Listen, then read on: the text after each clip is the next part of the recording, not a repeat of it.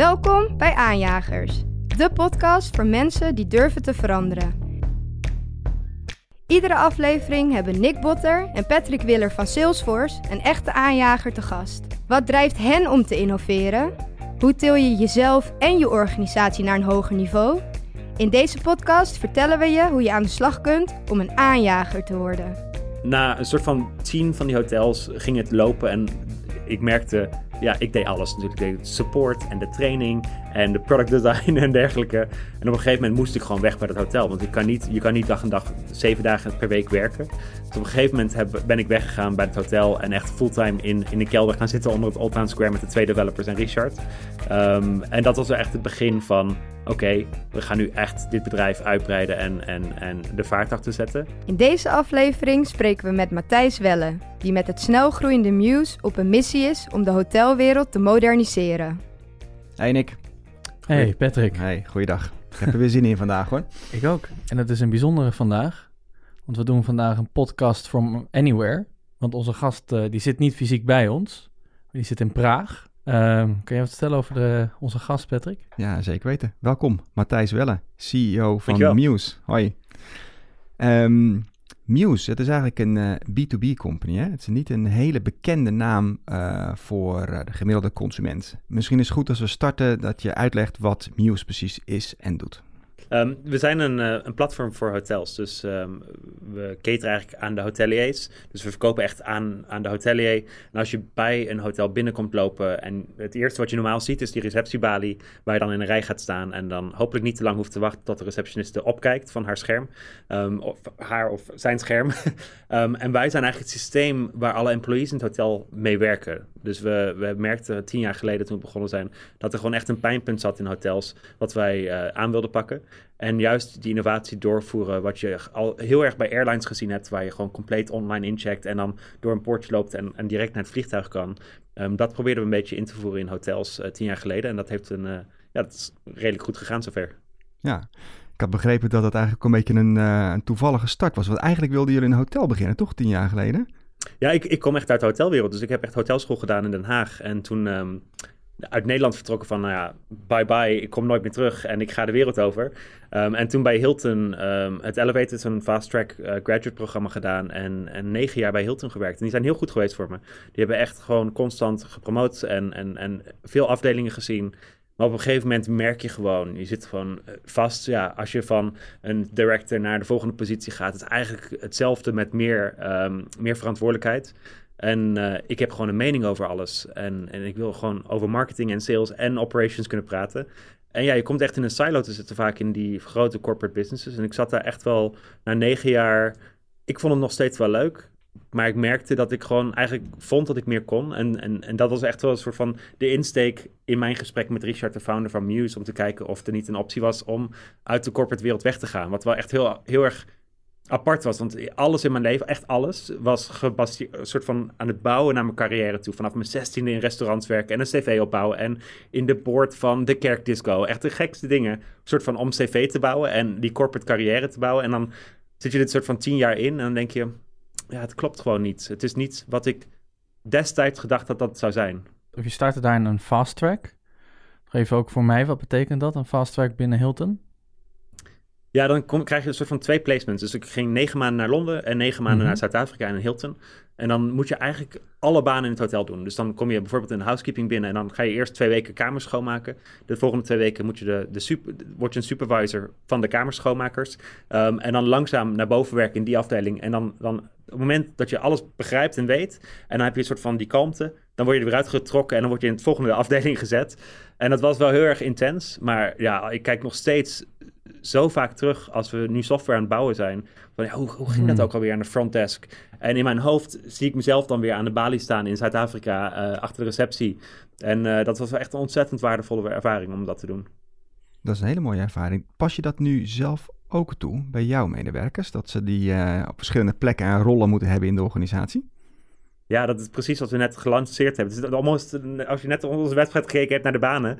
We hebben ook net een uh, graduate programma gelanceerd. Precies voor dat. Dus we hebben een aantal tracks gebouwd van uh, een operations en marketing en sales. Operations en tech en product. Dus dat je echt de, de productkant op kan.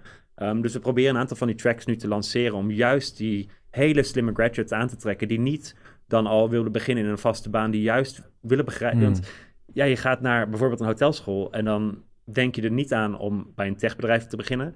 En je hebt ook geen idee wat ze daar doen eigenlijk. En ik, ik destijds ook niet, tien jaar geleden, ik had er echt nul idee van.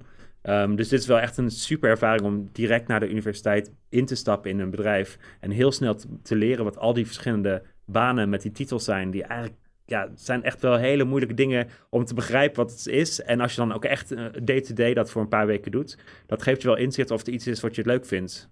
Want hoeveel mensen hebben jullie nu binnen Muse? We zitten nu op 370 man, maar het gaat heel hard. We hebben afgelopen maand, of deze maand, weer de 50 man erbij gezet. Ehm, dus ik denk dat we tegen de zomer wel weer aan de 500 man zitten, 550 man. Dus het gaat wel echt heel hard nu. Maar dat is echt ongelooflijk. En ik zag inderdaad op LinkedIn al een berichtje van jou voorbij komen. Dat je na 45 of 50 man weer had aangenomen. Ja. En dat je trots was inderdaad op het onboardingprogramma. Maar hoe, hoe doe je dat, joh? Zo'n snelle groei. Hoe zorg je ervoor dat je de juiste mensen blijft aannemen en dat je de cultuur houdt die je wil hebben? Want dat lijkt me ongelooflijk met zo'n groei. Zo'n klein bedrijf en dan zoveel man erbij. Plus nog eens Ja. een pandemic eroverheen. Ja. Iedereen zit bij elkaar. Het is Ja, ook dat global, hè? Zit je ook nog, ja. Klopt, ja, we zitten echt in. We hebben employees volgens mij in 12, 13 landen vandaag. En, ehm, en ja, die groei is, is geweldig. En, maar dat, de vraag is wel, hoe, hoe hou je die cultuur? En die cultuur is ontzettend veranderd de afgelopen twee jaar. We zijn natuurlijk een bedrijf voor hospitality en onze industrie, ja, het is niet heel goed gegaan de afgelopen twee, drie jaar. Ehm, dus we hebben heel erg gefocust op hoe, hoe bouwen we een remote first organisatie. Mhm. Maar ook hoe zorgen we ervoor dat we niet enkel ehm startend talent binnenhalen. Dat we ook echt onze management upscalen. Ehm, en we hebben heel erg veel mensen binnengebracht op VP-level... die juist uit andere startups en andere businesses komen... die ons kunnen vertellen hoe we dat moeten scalen heel snel. Want ik, ja, ik, het is mijn eerste rodeo. Ik, ik heb nog nooit als een CEO een techbedrijf gerund. Dus ik moet me echt omringen met mensen die dat wel gedaan hebben. Ehm, en dat, die beslissing hebben we echt gemaakt in de pandemie van we, gaan hieruit komen en we gaan winnen. En om, om dat te winnen moeten we eigenlijk alle hele infra- infrastructuur, dus alle systemen aanpassen, maar ook onze talent upscalen naar, naar andere niveaus. Ehm, en veel van de mensen die nu binnenkomen zijn echt specialisten in hun veld. En we merken dat die, dat die strategie wel echt werkt ook nu. Dus we doen nu met veel minder mensen ehm, veel meer outcome aan de andere kant. Dus voor de pandemie hadden we bijvoorbeeld een, een sales team van 70 man. Mhm. Ehm, en, en nu is dat sales team 20 man. Maar we groeien eigenlijk net zo hard, if not, hard, eh, if not harder. Sorry, ik- je gaat merken dat ik vaak Engelse termen erin gooi, Ja, ja. want ik woon natuurlijk al 20 jaar buiten Nederland. Ehm, maar die 20 man, die hebben een soort van dezelfde resultaten als die 70 man destijds. En dat komt omdat we het gewoon compleet anders aangepakt hebben nu. Ja, vertel daar eens wat meer over, want dat is natuurlijk een eh super sleutel tot succes. Wat, wat is dan de verandering die je doorvoert, waardoor die 20 mensen nog effectiever zijn dan 70? We hadden voor de pandemie ehm, eigenlijk weinig marketingfunctie. Dus we hadden een website en we deden wat leuke blogs op en, leuke content online zetten. Ehm, en de sales team, ja, ze hadden een paar demo requests op de websites. En, en dat was niet genoeg om de pipeline van de 70 man te vullen.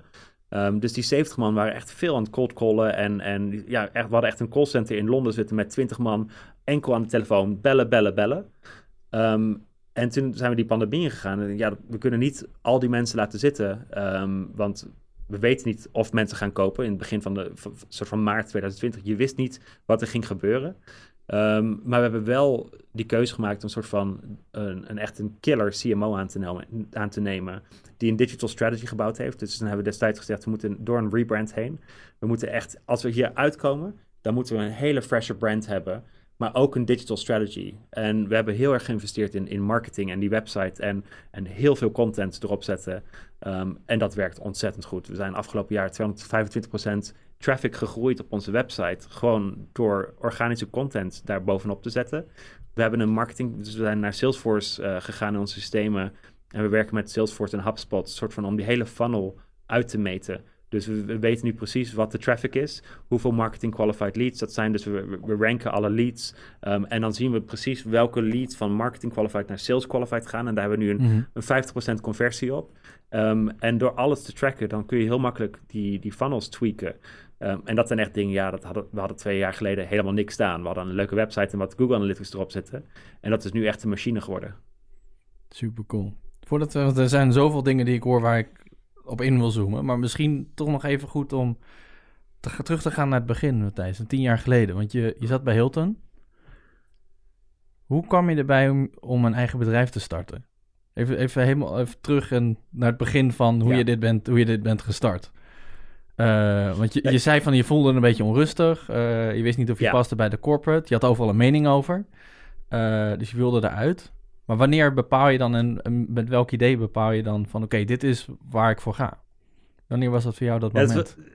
ik, ik heb op een gegeven moment ben ik Richard tegen het lijf geloven hier in Praag. En Richard is de founder van Muse. En die was bezig met het verbouwen van een familiehotel van hun. Dus ze hadden een hotelproject. En hij was het aan het. Hij was de project, project manager, dus hij kocht al het uh, marmer in en alle stoelen en tafels en dergelijke. Maar hij heeft ook destijds besloten om geen receptiebalie te kopen. En hij zei van, ja, ik figure, I'll figure it out. Um, weet je, ik wil gewoon geen balie. Het is gewoon zo'n hmm. object van anti-hospitality. Dat wil ik eigenlijk gewoon niet hebben. En, en dat was het moment waar ik hem ontmoet heb. En, en toen hebben we gewoon veel bier gedronken samen en een soort van gepraat van, ja, hoe ga je een hotel inrichten als je geen receptiebalie hebt bijvoorbeeld? En als je alles remote wil doen met, met tablets en dergelijke. Um, en hij was al bezig met het bouwen van een guest-app. Een soort van waar gasten een app kunnen downloaden en daar met de receptie um, you know, over hun verblijf kunnen uh, praten en dergelijke. En dan loop je op een gegeven moment vast, want dan heb je een app. Maar hoe kom je aan de data van alle gasten? Hoe krijg je dat die gasten een app downloaden van je hotel? En dan ga je naar een Oracle toe en dan vraag je van, uh, nou ja, uh, kunnen we met jullie systeem en met de Open API soort van praten? Dan krijg je hmm. een invoice van 50.000 euro. En dat was het moment dat we naar de hoteleigenaar gestapt zijn en zeggen van, nou, mogen we 50.000 euro en dan gaan we voor jullie een, een enterprise systeem bouwen. Wat eigenlijk alles kan wat Oracle kan. Want dat is eigenlijk, als wij dat probleem hebben, dan heeft de hele industrie datzelfde probleem. Dus toen zijn we met die 50.000 euro gaan bouwen. Werkte je, werkte je toen nog bij Hilton? Of had je toen al ontslag um, genomen? Ja, ik heb toen ontslag genomen en toen ben ik gaan werken in het hotel, in het hotel als sales director. Om een soort van nog wel een salaris te hebben in het begin. Want ja, ik had geen geld. Um, dus dan werkte ik in het hotel aan de, aan de ene kant. En aan de andere kant waren we ook de system hmm. provider van dat hotel. Dus dan, ja, s'avonds dan ging je een soort van eh, meetings doen en overdag zat je in het hotel. En um, dan is echt het probleem, hoe, hoe, hoe verkoop je een systeem wat je voor jezelf gebouwd hebt? Um, en, en ja, dan moet je dat gaan productizen. En dat was heel moeilijk in Praag. En dan, dan, loop je met je laptop je hotels binnen en dan uh, probeer je een meeting met de GM te krijgen. Uh, en in het begin, ja, dan word je gewoon voornamelijk weggestuurd. Op een gegeven moment hebben een paar vrienden gevonden van mij in hospitality die uiteindelijk dat systeem genomen hebben. En na een soort van tien van die hotels ging het lopen en ik merkte, ja, ik deed alles natuurlijk. Ik deed support en de mhm. training en de product design en dergelijke. En op een gegeven moment moest ik gewoon weg bij dat hotel, want ik kan niet, je kan niet dag en dag, zeven dagen per week werken. Dus op een gegeven moment heb, ben ik weggegaan bij het hotel en echt fulltime in, in de kelder gaan zitten onder het Old Town Square met de twee developers en Richard. Um, en dat was echt het begin van oké, we gaan nu echt dit bedrijf uitbreiden en, en, en de vaart achter zetten. Um, maar het was in Tsjechië gewoon heel moeilijk. We zaten in Tsjechië en daar is gewoon, het investeringsklimaat is gewoon niet heel goed hier. Um, dus, dus zeker op angel niveau, um, ja, de condities die je krijgt zijn niet wat je krijgt in een, in, in, in West-Europa. Uh, dus we hadden wel echt geluk dat we een vriend gevonden hebben. Die heeft ons toen nog uh, 250.000 euro gegeven over het soort van twee, drie jaar. Dus we hebben echt op heel weinig geld drie jaar lang doorgegaan. En ehm, na een tijd hebben we gezegd van oké, het gaat gewoon niet lukken in Tsjechië. We willen niet voor een, een, een soort van een miljoen de helft van ons bedrijf weggeven. Ehm, dan denk je aan, ja, we willen 10% weggeven voor, voor dat geld, maar wij willen het bedrijf blijven beheren. Dus op een gegeven moment zijn we naar Nederland gegaan en gezegd van ja, ik ben Nederlands dan worden we gewoon een Nederlands bedrijf. Dus dan hebben we de IP verkocht aan Nederland en, en ook een Nederlands kantoor opgezet. Um, en dat ging zoveel beter. Dat was echt een heel ander verhaal dan wat we hier in Tsjechië destijds gezien hebben. Ja, super interessant. En dat hotel wat je eigenlijk uh, toen wilde starten, dat is eigenlijk een vorm van kill your darling. Hè? Want ja, als je een hotel wil bouwen, wil je niet een enterprise business gaan doen. Heeft dat nog problemen opgeleverd? Of was het eigenlijk een no-brainer om die pivot te kunnen maken en, uh, en, en een heel andere kant nou, op te gaan? Het hotel wordt gerund door de zus van Richard vandaag. Dus de zus die ah. zit daar in het hotel. Mhm. Het systeem zit nog steeds in. En we merken ook, uh, heel veel van onze meetings die gaan nog steeds naar dat hotel toe. Dus het moment dat iemand invliegt, dan... want dat is de showcase eigenlijk. Want wij, ik zou een kantoor kunnen bouwen met een fake hotel. Maar het is gewoon veel, veel beter om mensen dan in, in een Muse hotel ah. met het origin story weg te zetten. Ja, komt mooi samen. Ja. Ja, Grappig. En wanneer dacht je, dit, dit is echt het idee, dit is waar ik voor wil gaan? Nou, we hebben altijd wel die ambitie gehad vanaf het begin hoor. Dus Richard is echt wel een, een hele grote thinker. En, en ik ging niet bij Hilton weg om een kleine lokale Tsjechische business te bouwen. Het was altijd hele grote dromen. In het begin kijkt iemand naar je en ja, het is leuk, leuk, leuk, succes daarmee. Hmm. Ehm, en ja, je merkt ook echt pas na een aantal jaar, als je echt traction begint te krijgen, dat mensen dan ook echt zien van, oh, oké, dus, dus, ze gaan wel echt internationaal en ze groeien ook echt en ze hebben nu geld aangetrokken en het begint nu te lopen. En we merken nu na tien jaar dat we ook echt enterprise klanten van een Oracle af kunnen snoepen. Maar dat heeft gewoon heel lang geduurd. Het is gewoon een, een, een, hele saaie business uiteindelijk, als je er naar kijkt. Um, het is een enterprise business. Het is een hele lange cycle die je, die je hebt om te, verkopen. Maar het zit er ook echt voor 10, 20 jaar in. Dus als je het eenmaal verkocht en neergezet hebt, dan gaan die klanten ook nooit weg. Dus het is een geweldige stabiele business, maar het is long term. Dit is niet een TikTok die heel snel gaat en heel snel scaleert. Het is echt long term business wat je bouwt. Ja, en het is een business lijkt me waar het is niet, je vervangt niet zomaar iets je verkoopt echt een nieuwe beleving. Ja. Uh, die, die hotelier aan zijn gasten kan bieden. Dus dat, ik kan me voorstellen dat dat meer overtuigingskracht vergt dan van oké, wij zijn een beter systeem, want we hebben A en B, dus uh, kies ons in plaats van Oracle. Ja, het is echt wel een departure. Dus je merkt het ook wel vaak, dan, dan, dan komen we binnen in een hotel en dan gaan we dat hotel trainen en zeggen, nou ja, uh, het, is, het is net iets anders, maar het is qua, als je natuurlijk twintig jaar op een Oracle systeem hebt gewerkt, en dan ga je ineens in een cloud-first systeem. Dus eh, alles, eh, het grootste volume van Oracle is nog steeds on-premise. Dus, dus echt in een server room achter in een hotel met een hele soort van 90s look and feel. En ineens kom je in een cloud systeem wat soort van een Facebook feel heeft, wat je heel erg um, natuurlijk kan ontdekken. Um, het duurt wel echt even voor die, voor die employees die echt al jaren in, in hotels gewerkt hebben, om, om dat te begrijpen. Dat, dat het onze insteek is om zoveel mogelijk te automatiseren, zodat die employees juist aan die gastervaring kunnen werken. Want hun, hun strength, hun, hun waarde was altijd in data input. Hmm. Daarvoor stonden receptionisten achter een balie. En mijn insteek is van ja, dat is eigenlijk niet nodig. Als, ik, eh, als je gewoon als gast online in kan checken, zelf in kan checken. Dan heb je die data Wat is, wat is dan aan die ervaring voor die check-in? Dat, het eerste wat je, als je, je loopt bij een hotel binnen en het is like, hi, welkom in het hotel, mag ik uw paspoort en uw creditcard? Dat is een soort van vraag 1. Ja. Nou, dat is toch eigenlijk een verschrikkelijke ervaring. Nou ja, je komt binnen als gast, je hebt zin in je hotel, je hebt zin in, in je hele trip. Ja. En je wordt gelijk gereduceerd door een creditcardnummer. Ja. En dat is ook wel echt een. Het betalingsding is ook wel echt een groot ding voor ons geworden. Hmm. Dus we hebben een soort van. Ehm, als je kijkt naar Uber, wat Uber gedaan heeft voor de taxi-industrie. Ehm, een groot deel daarvan is de betaling. Je loopt gewoon weg uit die taxi en alles wordt afgerond en je krijgt een receipt in je inbox automatisch. En dat is een beetje wat we ook in hotels gedaan hebben. Dus die creditcard, die hebben we al vanaf het moment dat je die booking gemaakt hebt. Dus dan hoef ik je er nooit, nooit meer om te vragen in het hotel. Bij de check-in, bij de check-out. Want dat is wel echt een ding. Je, je komt binnen, mag ik uw creditcard? Dan vertrek je, mag ik nog een keer uw creditcard vasthouden? En het is gewoon een hele, het is gewoon niet een fijne ervaring. En dat proberen we eigenlijk door een soort van, eh, met, met hele slimme um, systemen dat in te bouwen in die hele workflow. Dat we op geen moment om betaling hoeven te vragen, want het is een hospitality ervaring. Kan je iets vertellen over um, hoe jij dit soort dingen aanloopt? want jullie zagen een probleem uh, met de receptionist. Oké, dat is alleen maar data input. Het zou eigenlijk veel meer hospitality moeten zijn. En je kan veel beter als mens uh, een mens zijn, een connectie maken met andere mensen, kan ik me voorstellen. Laat de robot of de computers maar gewoon die data input doen.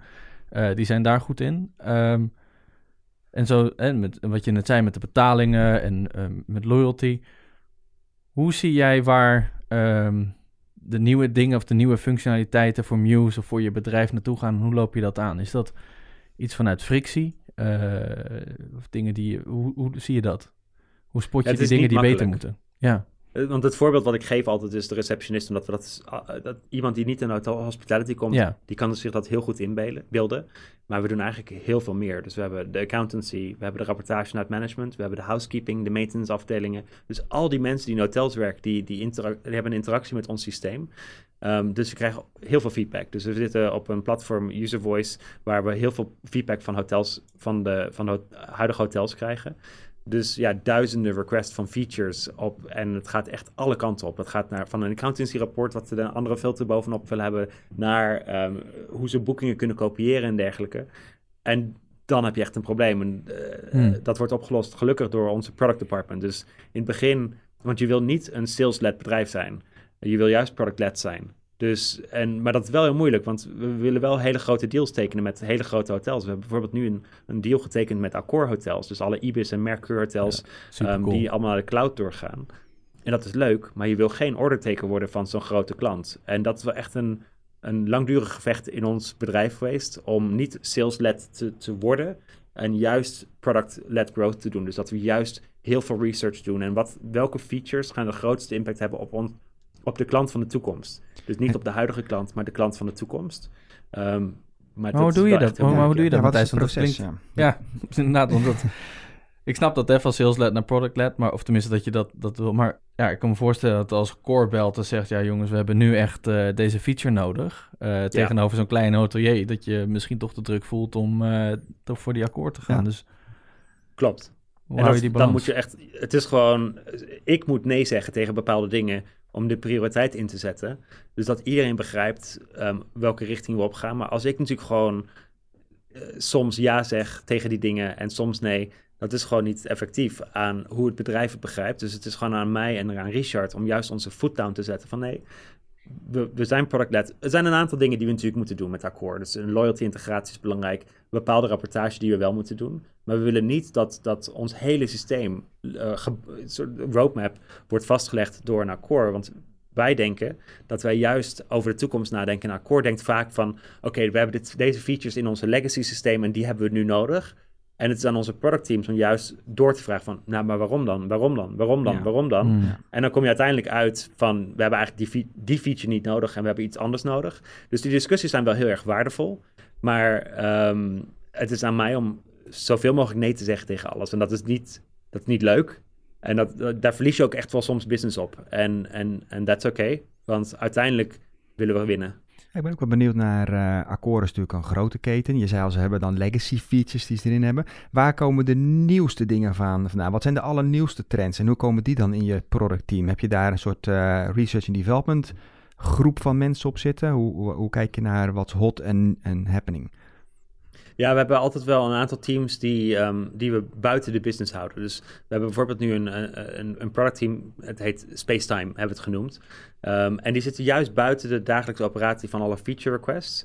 Um, en we hebben dat team gezegd van, hey, we willen beyond hotels gaan. Dus kijk naar de parking spaces die ze in hotels hebben. Of de coworking spaces, want coworking spaces is zo hot vandaag. Ja. Hmm. En ga maar eens kijken wat we moeten inbouwen om die industrie aan te gaan. En wat zijn, wat zijn de vragen en of het gaat lukken. En die zijn nu heel hard bezig. Dus we hebben gemerkt dat long, long-term stays, met, zeker met remote work, um, heel erg hot zijn. Maar in een long-term stay, ja, als die twee maanden verblijven, dan wil je niet de rekening krijgen met 60 nachten erbovenop. Dan wil je een soort van twee line items van de twee maanden die ze daar zitten. En dat zijn dingen die bijvoorbeeld dat team inbouwt. En zij worden niet gehinderd door de dagelijkse operatie. Um, en, we hebben een paar van die teams staan die er helemaal buiten staan, die constant aan de innovatie zitten. Dus we hebben, het is een boek, Loonshot, dat we een aantal jaar geleden gelezen hebben. En daar zijn we ontzettend grote fans van. Um, en dat gaat juist om die uh, bepaalde innovation teams buiten de dagelijkse operatie. Dus dat ze niet constant in meetings zitten en met klanteninterviews en dergelijke. Die enkel nadenken over wat zij kunnen toevoegen qua innovatie. Um, en, en dat was wel moeilijk om dat te behouden tijdens COVID. Omdat we natuurlijk gewoon, ja, je bent core business. Je brengt alles terug naar de core business. Maar we hebben echt van die, een paar van die pots laten staan en dat werkt heel goed. Cool. Maar ik denk ook dat je, want je, je ging tijdens COVID misschien terug naar je core business. Maar die core business werd ook heel hard geraakt. Dus ik kan me voorstellen met hotels. Uh, ja, die, uh, die opeens uh, nou ja, moesten sluiten en zo. Dus ik kan me ook voorstellen dat je juist daarom dacht, die teams zijn belangrijk, want we kunnen niet afhankelijk zijn misschien van één industrie en we hebben meer inkomstenstromen nodig om ook een gezonder bedrijf te zijn. Ja, we hebben destijds wel echt keuzes gemaakt van, oké, okay, we gaan nu soort van één, twee jaar soort van op stilstand staan. Dus waar we gaan investeren is product. -hmm. En we willen naar enterprises, want de kleine independent hotels, ja, die gaan het gewoon heel zwaar krijgen. En die gaan het misschien niet halen. Destijds wist je niet of die het gingen halen. En een nauw-programma, dat, ja, dat wist je niet of dat ging komen destijds in het begin. Dus dan hebben we echt gezegd van nou, bouw dan maar die features die we al jarenlang soort van uh, wegschuiven. Um, die echt hele moeilijke dingen die een groot ketenhotel nodig heeft. Ehm, dus we zijn daar twee jaar geleden mee begonnen en we zijn nu aan het lanceren verschillende van die features van hoe manage je een, een grote groep eh, die aankomt in het hotel en, en de boekingen daarvan en dergelijke. Ehm, en we hebben echt van die keuzes gemaakt om, om naar een, een hoger niveau hotel door te pakken en daar heel veel product teams achter te zetten. Ehm, en de afgelopen twee jaar, eh, ja, we hebben niet heel veel aangekondigd uh, qua nieuwe features. Omdat we echt die moeilijke, saaie dingen aan het bouwen waren. En nu merken we dat we nu, het gaat heel snel ineens. Um, want alles is, wordt nu gelanceerd. Um, en dit jaar gaat een geweldig jaar worden voor ons. En, maar we merken ook, het, het profiel van de klant is veranderd de afgelopen twee jaar. Dus, dus de klanten zijn groter en, en, en, en die hebben betere occupancy dan de klanten die we in 2019 hadden. Dus het heeft ook wel echt een impact gemaakt om die, die strategie aan te gaan. Ja, cool. Ja, je zei al net even, je was bezig met, uh, je hebt nieuwe CMO, nieuwe rebranding. Um, het al even gehad over de cultuur. Heb je bepaalde waarden binnen je bedrijf die je ook helpen om dit soort besluiten te maken? En, uh, ja. en, en hoe, ja, wat zijn die en hoe hou je die vast? Ja, we zijn heel erg uh, hot op de waardes en de cultuur van Muse. En, en we zijn nu ook afgelopen twee jaar voted best place to work in hospitality tech. En dat is ook echt een ding waar we heel erg veel waarde hechten. Uh, want we willen juist het beste talent aan kunnen trekken. Dus, maar we hebben een aantal waardes um, die soort van, we hebben human. Dus, dus ja, everyone makes mistakes and that's okay. Maar we hebben ook echt waarden around um, um, resilience. En, en, en like, openness, dat, dus dat je alles open bespreekt. Dus ik, we hebben iedere week een all hands en mm -hmm. ja, ik heb niet echt een filter, dat zoals je merkt. Um, dus ik, ik gooi alles gewoon eruit. Maar voor mij is het, ik wil iedereen perspectief geven in het bedrijf, zodat ze zelf betere beslissingen maken. Want ik wil nooit een bottom, bottleneck voor beslissingen kunnen zijn in, in het bedrijf. Dus dat zijn we echt van die waarden van openness en resilience en, en, en, en curiousness, die we juist zoeken in het talent wat we binnenbrengen binnen Muse. Je kijkt daar naar als je talent aanneemt.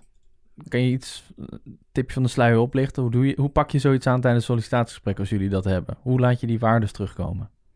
Ja, dat, uh, aan de ene kant, um, we hebben een heel recruitment team opgezet. Dus, dus het, het, reactieve recruiten, dat werkt gewoon niet voor een business als onze. Dus een advertentie zetten in, in, in, een, een, dagblad of zo. Ja, zo recruit je niet tegenwoordig. Wij willen echt mensen wegpoachen in bedrijven die wij um, willen binnenbrengen bij Muse. Um, en die recruiters kijken juist initieel heel erg naar hoe ze in de waarde zitten. Dus ja, een recruiter kan niet een, een, een developer hele moeilijke vragen stellen over, over de code. Maar die kunnen wel soort van die cultuur sense check doen. En dan gaat het over veel situational vragen stellen over van... Ja, tell me about a situation where, you know, you said you're ambitious. Talk to me about your ambition. En, en hoe, hoe zie... Hoe, geef me een situatie waarin jij heel erg ambitieus bent... en, en hoe heeft het zich dat geuit? En daar halen we heel veel uit in die eerste gesprekken. Cool. Mag ik dat toepassen op jou? Uh, dit laatste? Ja, Want als ik nu jou zo zie en, en ik luister naar je, je hebt zo ontzettend veel passie en je bent zo ambitieus ook zelf. Waar komt dat vandaan?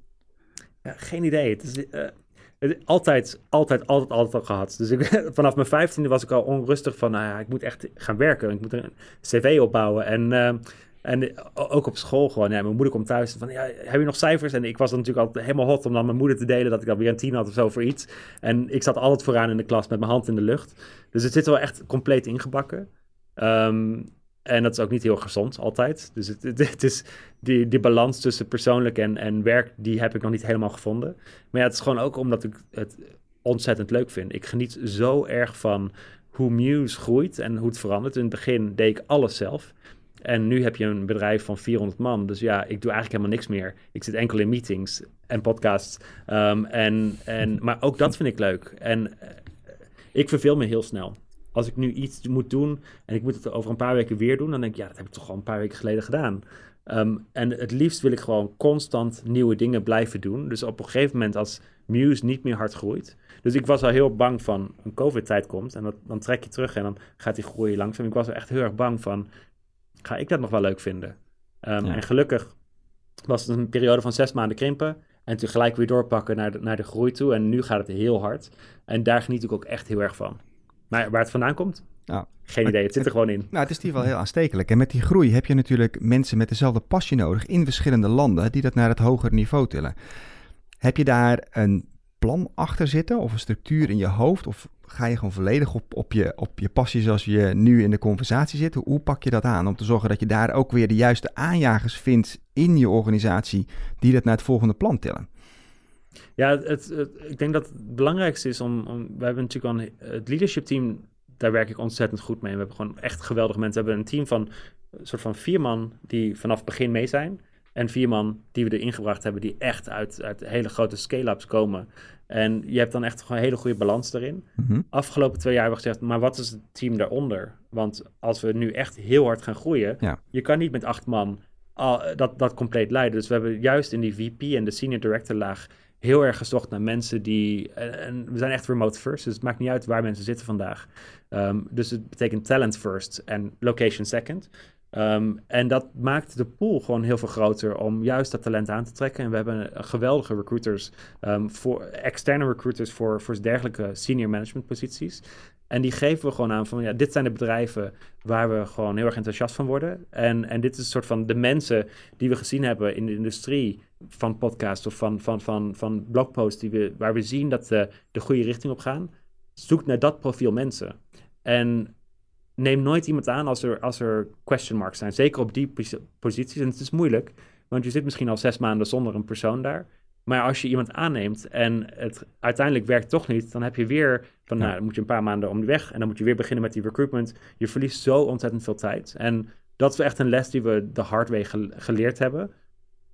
Om niet de beslissing te maken omdat het nu makkelijker is. Ga liever door een pijnlijke periode en dan de, uiteindelijk de juiste persoon voor de komende vijf, zes jaar aannemen. Ja, Die echt een grote impact heeft op de business.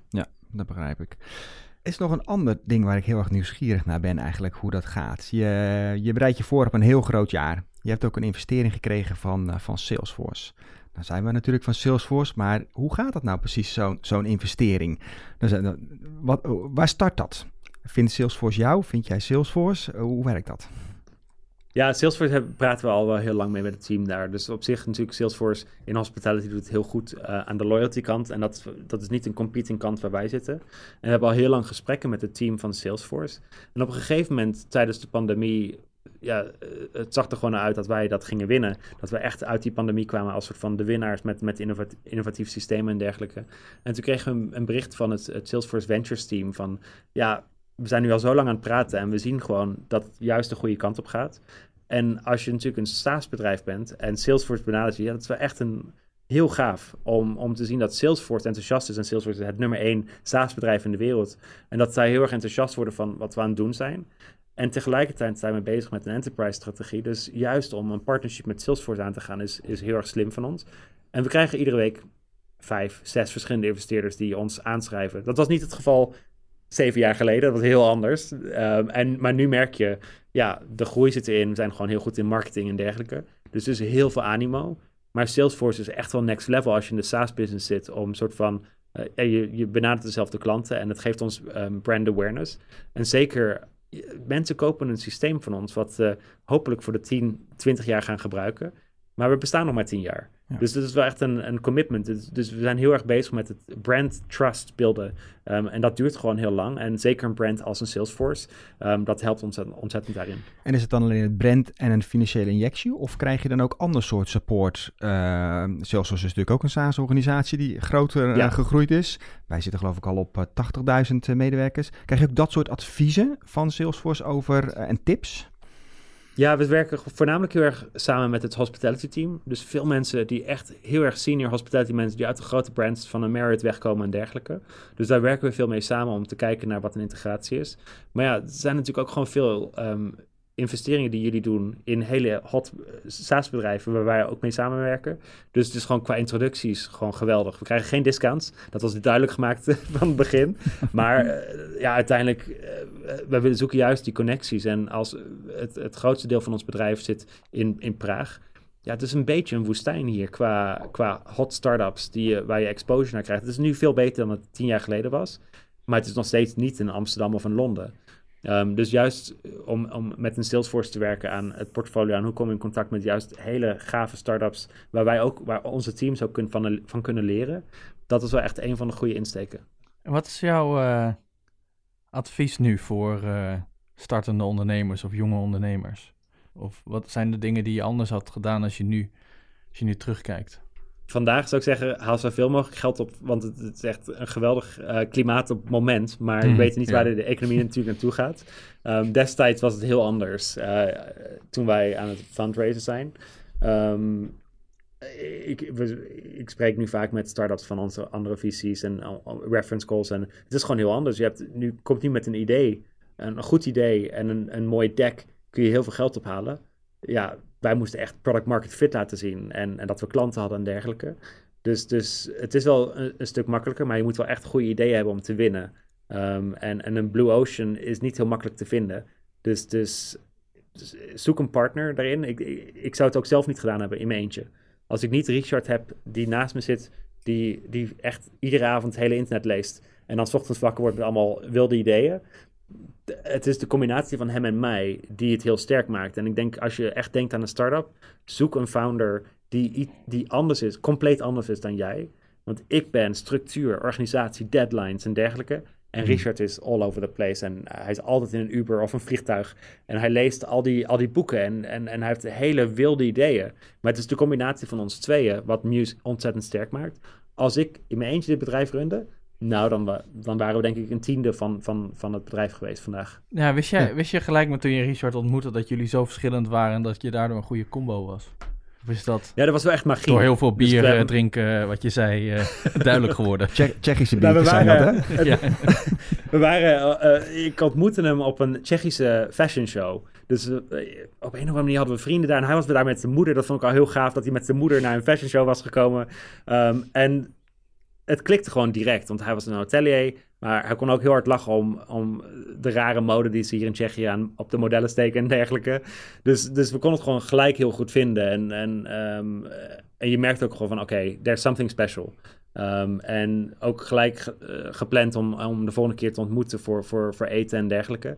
En dat is wel een periode van twee jaar geweest. Um, want ik werkte gewoon hard bij Hilton. Ik was altijd op reis. Maar als die magie er gewoon is, dan merk je het. En zijn ideeën uh, zijn gewoon heel interessant. En zijn niet allemaal uitvoerbaar. Maar ik merk ook nu in binnen Muse dat ik... Vaak heeft hij een heel wild idee en denk ik, ja, hartstikke leuk. Maar kunnen we het gewoon over, hebben over wat we vandaag moeten doen? Hmm. En dan drie jaar later, dan, dan zijn we bezig met iets en denk ik, oh shit, ja, dat heeft hij wel echt drie jaar geleden gezegd. En nu zijn we bezig met dat te implementeren. Dus zijn ideeën zijn ook echt een soort van een premonition van wat er in de toekomst gaat gebeuren. Um, dus, dus, en daar geniet ik gewoon ontzettend van. Want ik, heb, ik lees niet het hele internet. Ik lees de kant van het hospitality. Want ik, daar ben ik heel erg geïnteresseerd in. Maar hij heeft echt wilde interesses over alles. Laten we eens vijf jaar naar, in de toekomst gaan. 2027. Waar staan jullie dan? En wat is die visie dan van Richard en jou samen? Nou, naar investeerders toe, dan zijn we gewoon nog steeds de winnaar in hotels en dat is de focus. Um, dus, dus als een investeerder luistert, we zijn heel erg gefocust op de hotelindustrie en daar worden we de nummer één. Maar als ik daar buiten kijk, um, het systeem wat we gebouwd hebben is interessant voor hotels. Uh, maar hotels zijn heel ingewikkeld. Je, je boekt daar maanden van tevoren een kamer die je dan over meerdere dagen consumeert. En dan boek je ook dingen van de restaurants en de spa op die rekening. Dus we hebben echt een heel complex systeem gebouwd voor de moeilijkste service om te kopen. Dus als we nu juist dat hele systeem versimpelen, dus, dus ja, je, dan zou het kunnen neerzetten bij een kapper bijvoorbeeld. Dus dat je je kapper online boekt, want die moet nog steeds een sms sturen om een, een afspraak te krijgen. En hem in cash betalen, want dan, anders moet hij, weet je, dan, hij wil gewoon alles in cash hebben. Dat zijn echt dingen waar je gewoon heel makkelijk een systeem als Musing kunt zetten. Dus als je kijkt naar een map van een stad, dan zou je eigenlijk alle services die je verkoopt, alle objecten die je verkoopt, kunnen mappen naar Muse toe in de toekomst. Dat je die hele stad uh, aanpakt en dat je via de Muse-app heel makkelijk door je dag heen gaat om, om services te boeken. En ook als een Uber weg kunt lopen bij, uit je kapperstoel, kun je uiteindelijk weglopen zonder te betalen, want het wordt gewoon allemaal automatisch afgerekend. Dus dat is een beetje het toekomstbeeld waar we naartoe gaan. Maar we gaan winnen in de hotelwereld. Want daar, daar, ja, daar, daar doen we het nu vandaag zo goed. En daar scalen we ontzettend hard in. Maar we zijn altijd bezig met met, met product teams te kijken van wat kunnen we daarbij toevoegen. Dus we hebben nu afgelopen maand uh, parkeerplaatsen toegevoegd in het systeem. Want we merken, ja, hotels hebben vaak parkeerplaatsen. Maar dat betekent niet dat we uiteindelijk alleen maar hotels met parkeerplaatsen kunnen targeten. Dan zouden we uiteindelijk ook gewoon direct een parkeerplaats um, kunnen targeten. Ongelooflijk hoe, uh, hoe jij nu dit bedrijf uh, samen met je founder en de rest natuurlijk allemaal neerzet. Ik kan me ook voorstellen dat ik, als ik even naar mezelf kijk, ik weet Patrick is hier veel beter in dan ik. Ik verlies mezelf altijd heel snel in het werk. En dan vervolgens ben ik alleen maar aan het werken. En dan, oh ja, wacht even, ik heb ook nog andere dingen te doen. Uh, Patrick die start uh, de dag met uh, meditatie. En, en dan vervolgens begint hij, dus die veel meer die rustmomenten. Hoe zorg jij ervoor dat, je bent gewoon druk CEO... hardgroeiend bedrijf. Dit wordt het jaar waar je hardste groei gaat maken. Doe jij iets zelf om work-life balance of meditatie? Wat, wat zijn voor jou de momenten om uh, dat je ook je rust kan pakken en uh, je focus kan houden? Hoe doe je dat? Ja, ik ben heel erg gefocust op uh, routine. Ik heb echt routine nodig om een soort van. Um, ik, ik, slaap iedere acht, een avond acht uur. Um, en ik, dus ik ga naar bed en dan tel ik precies uit wat acht uur is. Dan zet ik mijn wekker acht uur later. Um, en ik ga gewoon bed, naar bed om negen uur. Ik word om vijf uur wakker. Ik heb een, een home gym, ik heb mijn gastenkamer omgebouwd in de pandemie naar een gym. Um, want niemand komt toch langs en, ik, en ik, wil gewoon een workout hebben iedere dag. Dus ik work uh, ja, zeven dagen in de week, doe ik een workout, s ochtends vroeg. Um, en dan begin ik mijn dag om een uur of zeven en ik werk dan tot een uur of zeven s'avonds door. Dus het zijn wel lange dagen. Maar het is die routine die ik ingebouwd heb, dat me een soort van die, die rust wel geeft um, in, in, in, in mijn leven. En ik merk nu we weer beginnen te reizen dat ik dan heel erg snel verdwaald raak weer. Hmm. Want ik heb gewoon echt die acht uur slaap nodig. En ik kies slaap over workout. Dus de workout die gaat dat eerst uit. Want slaap is zo belangrijk. Dus dat ik... Eh, ik had gisteravond een call met een investeerder in, in Australië... om, om negen uur s avonds tot tien uur. Ja, dat, ik merk het ook nu wel. Ik ben gewoon echt moe. Um, omdat ik niet gewend ben om, om één uur later dan normaal naar bed te gaan. Omdat ik die routine zo ingebouwd heb afgelopen twee jaar. Ben jij ook mee bezig met je werknemers? Uh, dan geef je, dit ook, geef je dit ook bij hun aan, dat dit belangrijk is? Ja, heel erg. Het is gewoon heel erg belangrijk. Dus we hebben ook unlimited holidays. En dat iedereen praat erover mm. van, ah, oh, dat is natuurlijk zo'n start-up thing. Niemand die ooit meer dan 20 dagen vakantie neemt. Dus afgelopen jaar ben ik 25 dagen op vakantie gegaan. En iedere keer als ik op vakantie ga, dan post ik het op LinkedIn. Dan weet ik zeker dat al mijn teammembers het zien. Dus het, ik moet het voorbeeld juist zetten. Morgen is woensdag en het uh, Wellness Wednesday. Dus één keer in de maand hebben we een Wellness Wednesday ingelast. Want we merkten dat op het hoogtepunt van de pandemie, ja, mensen die, die, die raken gewoon verdwaald in, in hun huiskamer. En uh, die negativiteit die siept erin. Dus dan hebben we gezegd, nou, laten we gewoon een Wellness Wednesday inlassen. Dus we kunnen mensen gewoon, ja, of naar de kapper gaan op de middendag van de dag en niemand die een vraag over stelt. Of gewoon de hele dag vrij nemen om, om een bergwandeling te gaan doen hier en daar. Um, dus ik ga morgen lunchen met mijn man uh, op midden van de dag. En uh, ja, ik ga er gewoon twee uur lang lunchen met mijn man en mm. me er niet schuldig om voelen. En, en een Wellness Wednesday is wel echt een ding wat het, het gesprek aangaat van... Ja. Zorg ervoor dat je ook midden op de week, ook al ben je gestrest... boek gewoon tijd in je kalender om die persoonlijke dingen te doen. Want je werkt toch al hard genoeg. Ik geloof wel dat je 40 uur in de week werkt. Ik ga het nooit checken. Um, werk 38 uur en neem die twee uur voor jezelf terug iedere week. En, en, en dat, dat, dat zorgt er gewoon voor dat je veel effectiever bent in die 38 uur. En hoe zit dat bij jou, Nick? Um, ik word daar steeds beter in. ja, je lacht erop. ja, lacht. ja, ik was vannacht nog tot, uh, tot twee uur met San Francisco bezig. Maar, uh, oh god. Ja, nee, maar ik word daar wel steeds beter. Ook om uh, tijdens vakanties. Normaal gesproken was een vakantie, was ik gewoon aan het zwembad aan het werk. Um, oh, wat ehm, erg. Ja. Maar dat komt ook omdat de vorige bedrijven. Dat komt ook, maar het komt ook door de vorige bedrijven waar ik werkte, was dat gemeengoed en daar deed iedereen dat. En uh, nu bij Salesforce werk is dat voor het eerst dat mijn manager ook gewoon niet beschikbaar was tijdens de vakantie. En dat ik opeens dacht, oh, wacht even, het is dus wel oké. En toen ben ik dat zelf ook gaan doen en toen kwam ik erachter van, wacht, het is misschien wel goed om uh, nou, die rust te pakken. En dan zie je dus hoe krachtig die tip is. Dat, dat uh, Matthijs dat dus doet en het ook uh, publiekelijk maakt. En het zelfs op LinkedIn post. Uh, onze CEO doet het ook. Die had een keer een verhaal verteld dat hij zijn telefoon in een envelop had gestuurd toen hij op vakantie ging. En dan was hij hem ook echt kwijt. En dan kreeg hij hem een week later pas weer terug. Maar het zijn wel die voorbeelden waardoor een cultuur ontstaat waarin mensen die tijd kunnen nemen. En dat is nu wel heel erg belangrijk om, om te ja, doen. Zeker ja, zeker nu. Ja. en ik denk zeker als, weet je, als leiders of als managers ik heb pas onlangs dus geleerd wat voor impact ik eigenlijk maakte op mijn team. Uh, door gewoon zelf door te gaan, gaf ik eigenlijk gewoon het volledig verkeerde voorbeeld. En misschien wel de druk bij de rest om ook gewoon door te blijven gaan. Want hoe kwam je erachter? Heeft, heeft iemand echt tegen dat, jou gezegd van, dit is de impact die je op mij hebt? Um, nou, ik had dus door, uh, tijdens de vakanties, door wat mijn manager, uh, dat, ik, dat ik dat bij mezelf voelde. maar ik heb wel gehad, ik, wat ik net zei, tot twee uur. Nou, Patrick, die weet, ik doe dat nu niet meer. Maar normaal gesproken gingen we, uh, bleven de mailtjes ook gewoon binnenstromen. En dan kreeg ik antwoord terug. En op een gegeven moment was er inderdaad iemand die zei... Nick, ik raak daar echt heel erg gestrest van. En ik denk ook wat heel goed is, is dat je dat ook gewoon bespreekbaar maakt met je bedrijf of met je teams. Dus ik heb net nu het interim nieuw, nieuw team. Het eerste wat ik zeg is, luister, ik ben een avondmens. Um, dus weet je, ik probeer dat, uh, daar rekening mee te houden met iedereen, maar weet dat ik zo werk en dat je ook vraagt aan anderen, hoe werken jullie? En dat je eigenlijk een soort, uh, nou, een soort afsprakenplan maakt van hoe dat, uh, hoe dat werkt. En dat je ook van elkaar weet hoe dat in elkaar zit. Ik, als ik s'avonds iets stuur, dat betekent niet dat ik s'avonds een antwoord verwacht. Ik verwacht een antwoord wanneer Het vergt wel communicatie. Je moet de dialoog met elkaar aangaan. En als je die dialoog... En dan moet je heel vaak blijven doen en blijven herhalen. En dan is er heel veel begrip voor. Ja, ja klopt. Want onze CPO die heeft ook echt een artikel geschreven in, in, in de Welcome Guide. How I Operate.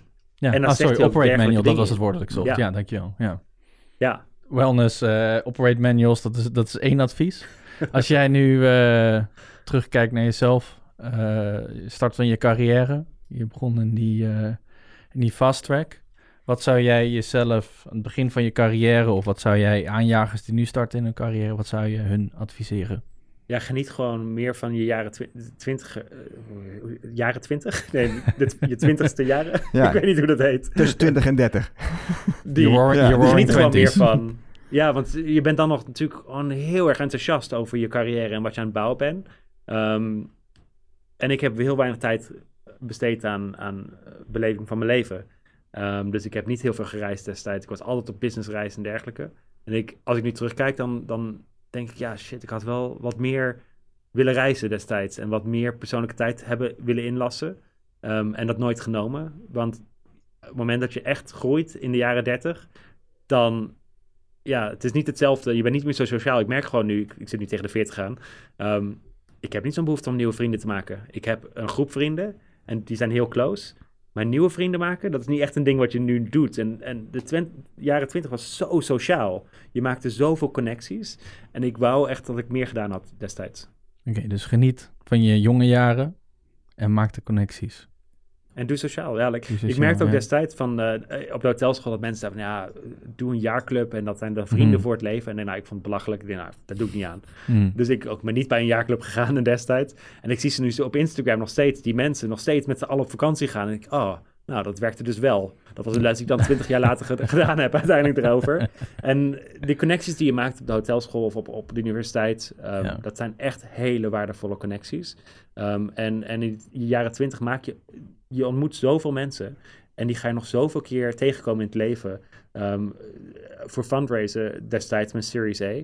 Ja, ik ben gewoon echt naar high school friends. Ik zag dat ze een connectie hadden met een, met een fund.